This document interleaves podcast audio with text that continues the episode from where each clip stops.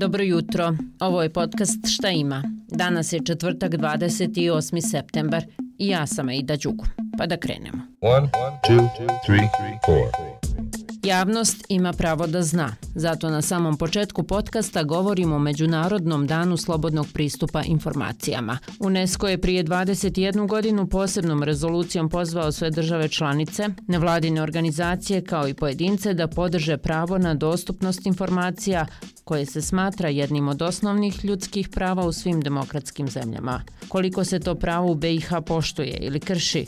Pitala sam Srđana Traljića iz Transparency Internationala, organizacije koja godišnje pošalje na hiljade zahtjeva za pristup informacijama. 50%, dakle polovina javnih preduzeća nam nije odgovorila u zakonskom roku. Dakle, podatak koji je skandalozan što se tiče institucija, mi smo tokom prošle godine imali 15 sudskih presuda u naš korist, gdje smo e, dobili sporove po kršenju zakona slobod pristupa informacijama. Radi se o vrlo ozbiljnim pitanjima gdje smo tražili i javne ugovore i informacije od e, velikog značaja za celokupnu javnost u Bosni i Hercegovini. Nažalost, brojne institucije su odvijele provesti sudske presude. I evo recimo u slučaju autoputa Banja Luka Prijedor imamo već dvije sudske presude i e, već dva puta nam resorno ministarstvo odbija dosta taj ugovor koji je vrlo važan. Upravo Transparency International danas organizuje konferenciju koja će se baviti novim zakonom o slobodi pristupa informacijama.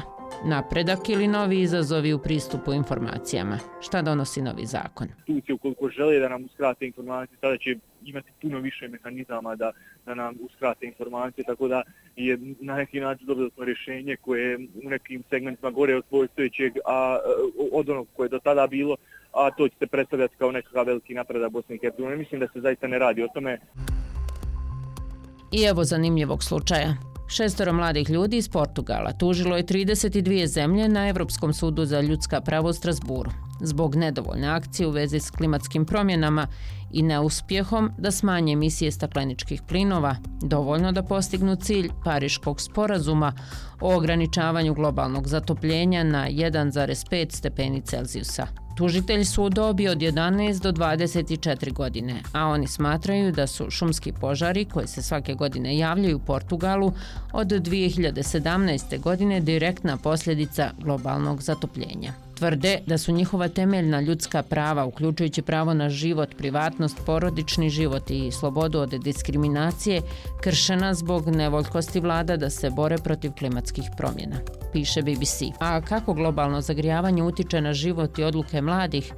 Poslušajte odgovor u mladića iz Turske, kojeg je naša Lela srela u Sarajevu. We don't plan to have a baby. Nadam se da ih nećemo imati. Ne planiramo imati djecu jer svijet je zaista u dubokoj krizi. Problemi s pitkom vodom, klimatske promjene su veoma ozbiljne. Dolaze, zapravo već su ovdje. Vidjeli smo ozbiljne probleme sa svijetom u pandemijsko vrijeme. Moramo sklopiti mir sa prirodom između čovečanstva i prirode, između političara, između svega. Ako bismo imali dijete, ono počinje od nule u opasnom vremenu. Na primjer, primjer, neko ko je rođen 1950. godine nije imao problema sa vodom za piće kao što je to sada, također ni probleme sa hranom. Milioni i milioni umiru jer nemaju vodu i hranu. Ne možemo dati dobre mogućnosti i dobar život toj bebi, tako da jednostavno ne želimo, znate. We just don't want to, you know...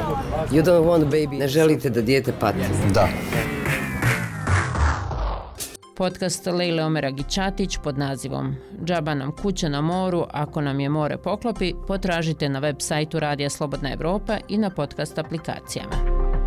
Za kraj desert, a možda i nije, presudite sami. Prva svjetska hrana napravljena, pazite sad, od plastičnog otpada je sladoled od vanilije. Sladoled je zapravo umjetnička instalacija nazvana Guilty Flavors umjetnice i dizajnerice Eleonore Ortonali, koja smatra da uprkos tome što je sladoled zaključan u zamrzivaču u Londonu, nada se da će pokrenuti žestoku debatu o budućnosti hrane i krizi zagađenja plastikom. Projekat je počeo zbog frustracije kako sistem za reciklažu plastike ne može da održi korak, kao i da uprkos svim informacijama oko plastike, proizvodnja plastike ne opada, ona se zapravo povećava.